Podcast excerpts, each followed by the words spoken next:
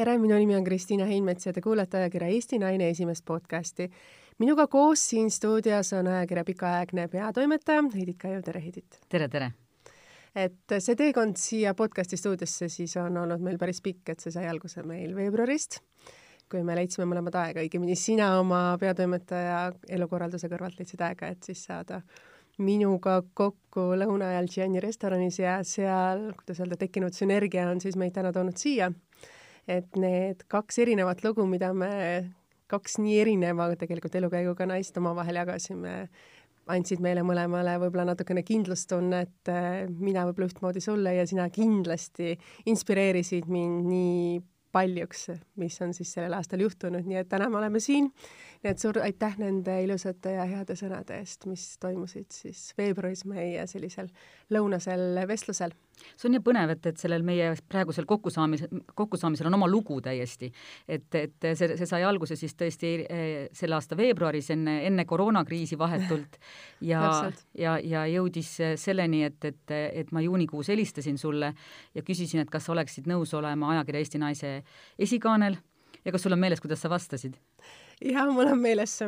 ja mul on äh, tegelikult see, et äh, tollel hetkel, kui me Vibros kokku saime, siis ma sain aru, et äh, iga naine on lugu,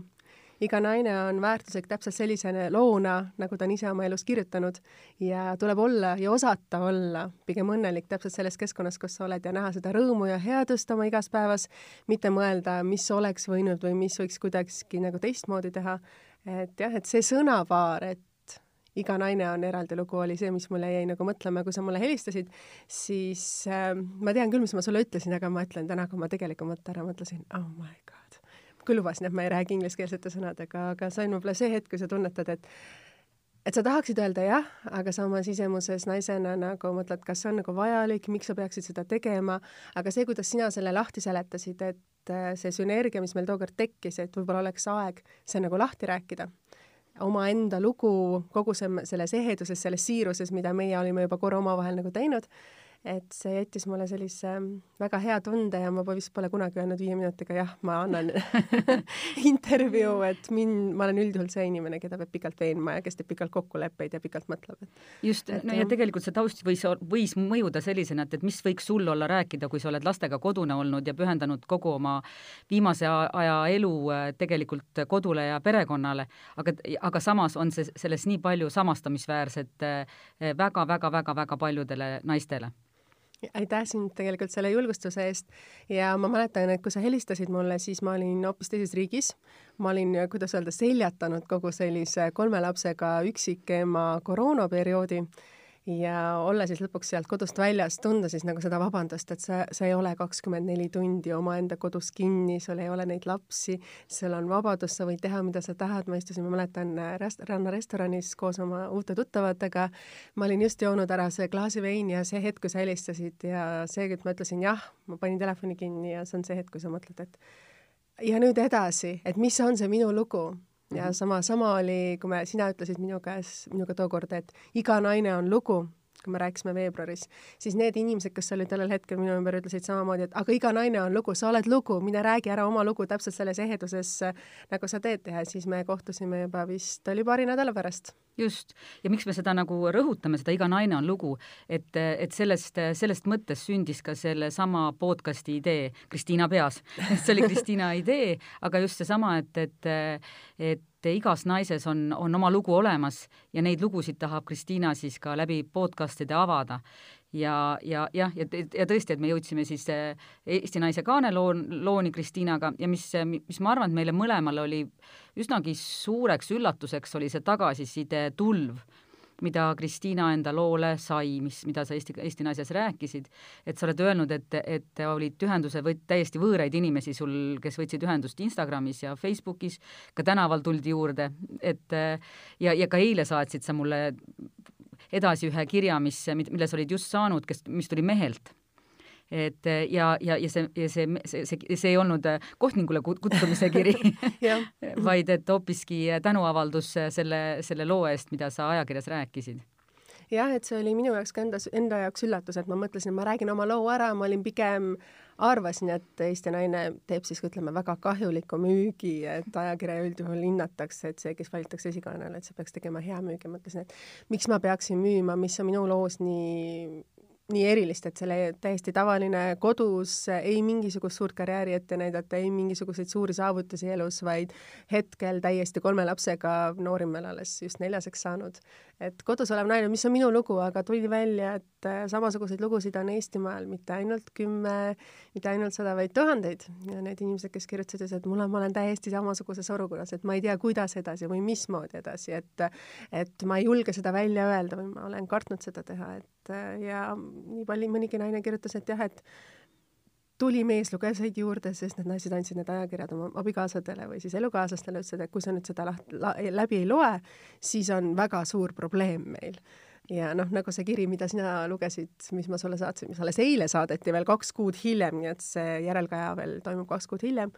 on täpselt samamoodi, et meesterahvas kirjutas, et ta, et see teda inspireeris mõistma naisi hoopis teise nurga alt, kui seda on siiani tehtud, et võib-olla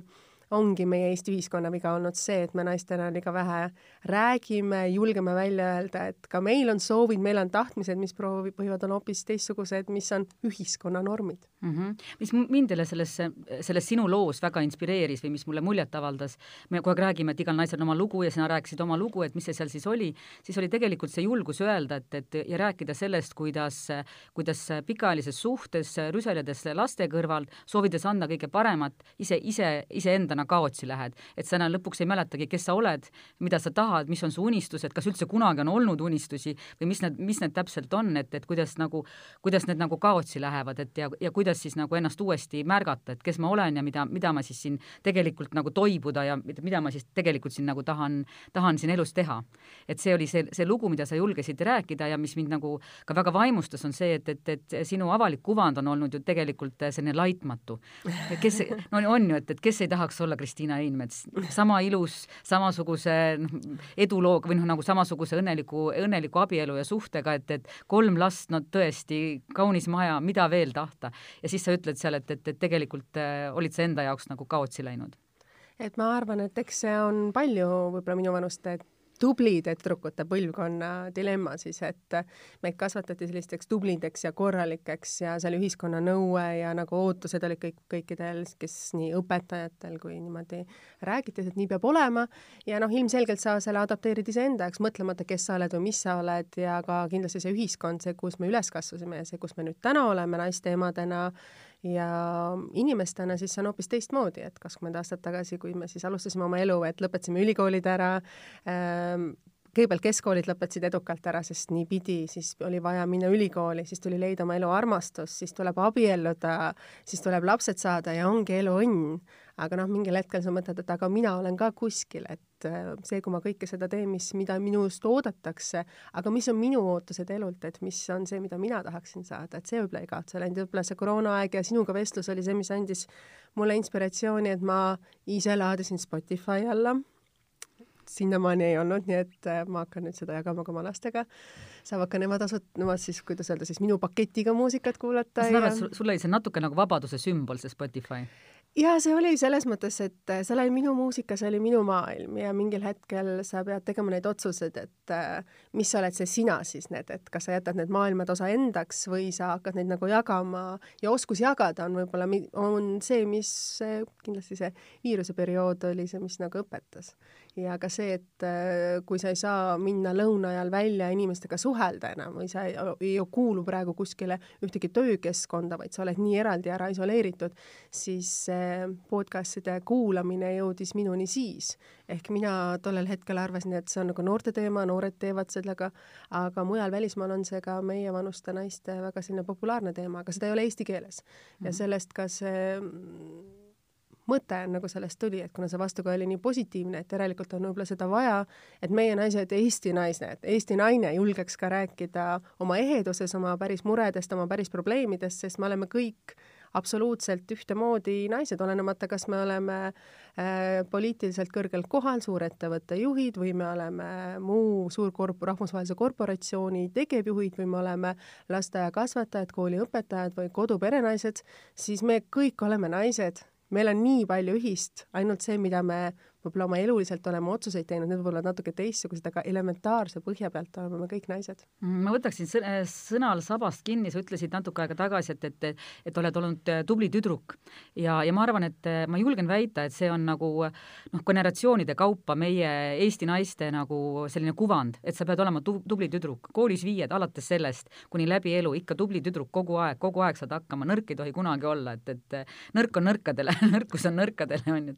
et, et Eesti naine on tugev ja te-, ja tegelikult selle taga me ju teame, et ükski inimene ei, noh, see ei ole võimalik, lihtsalt sellist inimest ei ole olemas, kes ei ole mingi hetk nõrk või kes, kes mõni, mingil hetkel ei ebaõnnestu, aga neid lugusid ei, ei, ei ole juletud rääkida. et naisteajakirja peatoimetajana ma võin seda vägagi öelda, et, et, et pigem on nagu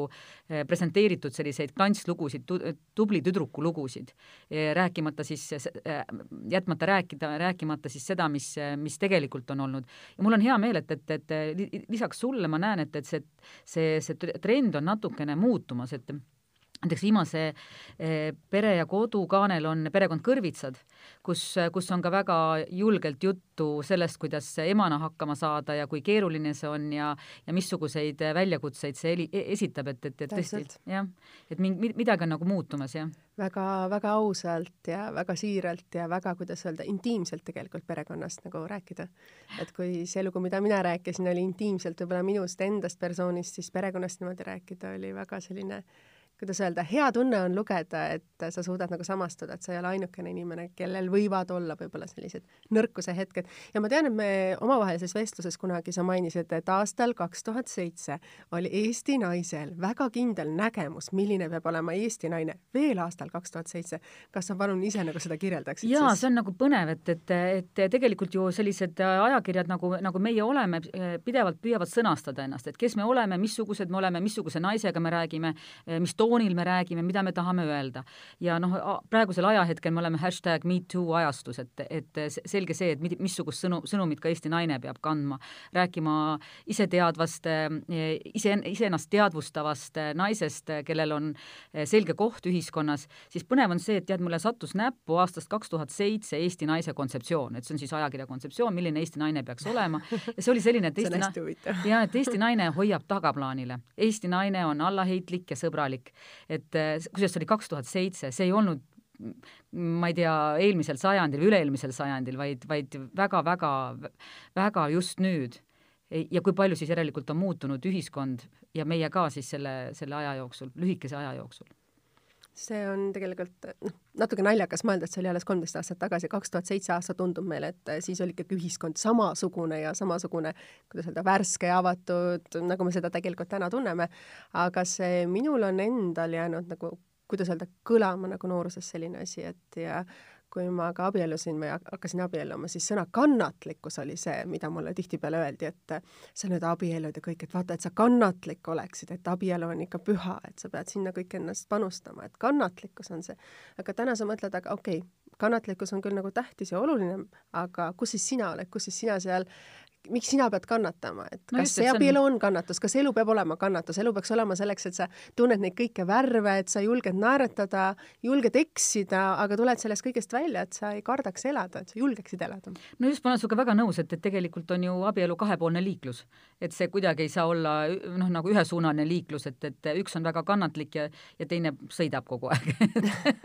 aga see oli tollel hetkel, ma arvan, ühiskonna teema, et mitte ainult mina, vaid ka Just, et... väga paljud väga paljude teiste jaoks oli ka nii normaalsus ja nagu sa ütlesid, see, lugeda seda tuhat seitse veel seda kontseptsiooni, no siis jah mm -hmm.. kusjuures ma, minu meelest on siin oluline ka mõista seda, et, et, et me ei süüdista kedagi, et see ei yeah. ole nagu süü, süü, vaid, vaid pigem on see nagu äh, iseenda, ise, iseendas arusaamine, et, et, et kus, kus ajahetkel sa parasjagu ise oled, et, et, et see kindlasti ei ole süüdistus kellegi suhtes, et, et oi, kuidas, kuidas saab niimoodi minna või teistmoodi olla.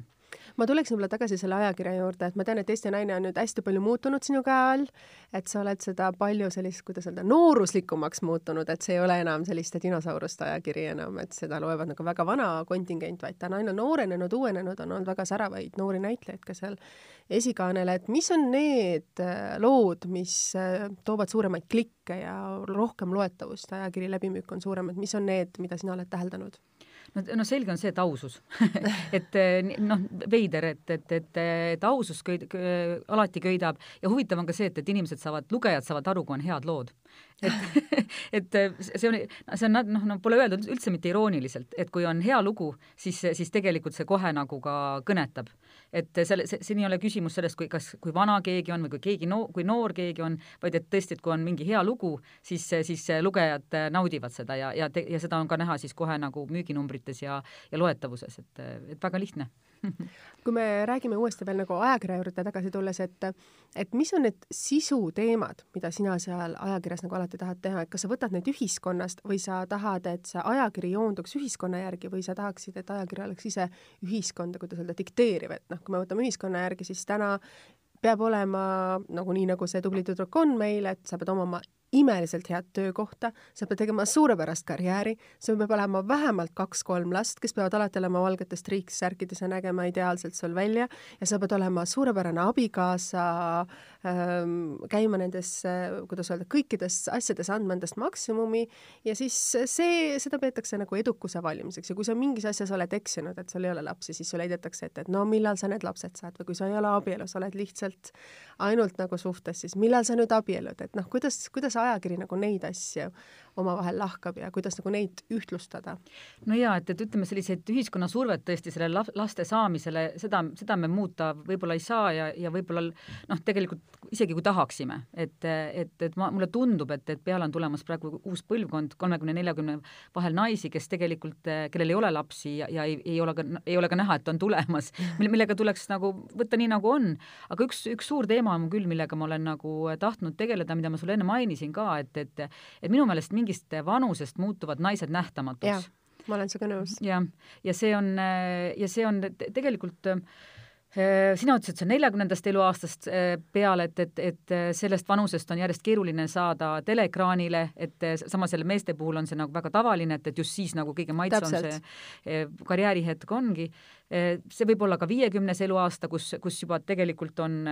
ütleme, juba töö leidmine võib olla keeruline ainult sellepärast, et sa oled nii vana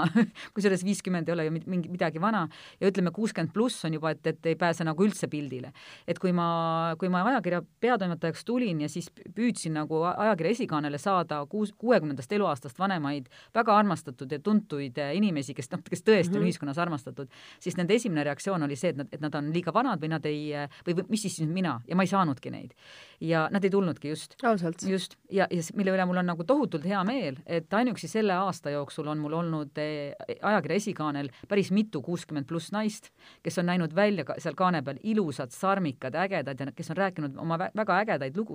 Ja mul on tunne ka, et, et, et, et ainuüksi seal noh, nagu esimese pääsukese tulek andis teistele ka julguse. ja, ja, ja kogu selle pika loo moraal on võib-olla selles, et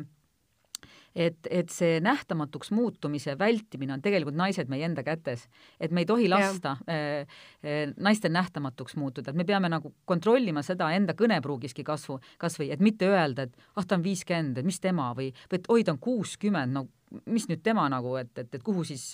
et, et seda, see on tegelikult eh, sellisel moel, noh, kes nii ütleb, räägib iseendast. kas sa tahad olla viiekümneselt selline või kuuekümneselt ära kadunud olla, eh, nii-öelda nähtamatuks muutunud naine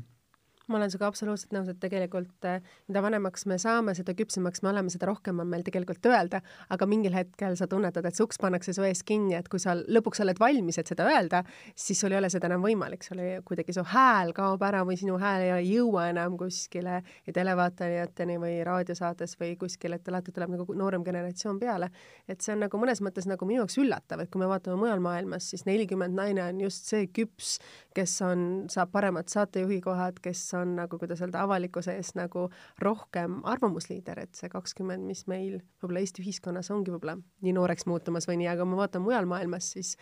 nelikümmend, viiskümmend, kui sa oled omal ajal nagu tuntud ja tunnustatud, siis see on pigem väga positiivne ja tunnustatud. just, ja, ja, ja selles samas võtmes tegelikult on ka noh, nagu naistel minu meelest ühiskonnas väga suur risk, millele te, omal moel oled sina ka juhtinud tähelepanu, et, et kui sa oled olnud lastega väga pikalt kodus, siis tegelikult sellest, sellest nagu väljatulek eh, on, on paras eh, väga raske, väga, väga, väga raske. just, et mul on eh, nagu endaealisi mitmeid sõbrannasid ka, või no ja ka tuttavaid, kes, kes on, kellel on tihti ongi kolm last, kuna see on Eestis, Eestis ilusaks normiks saanud juba,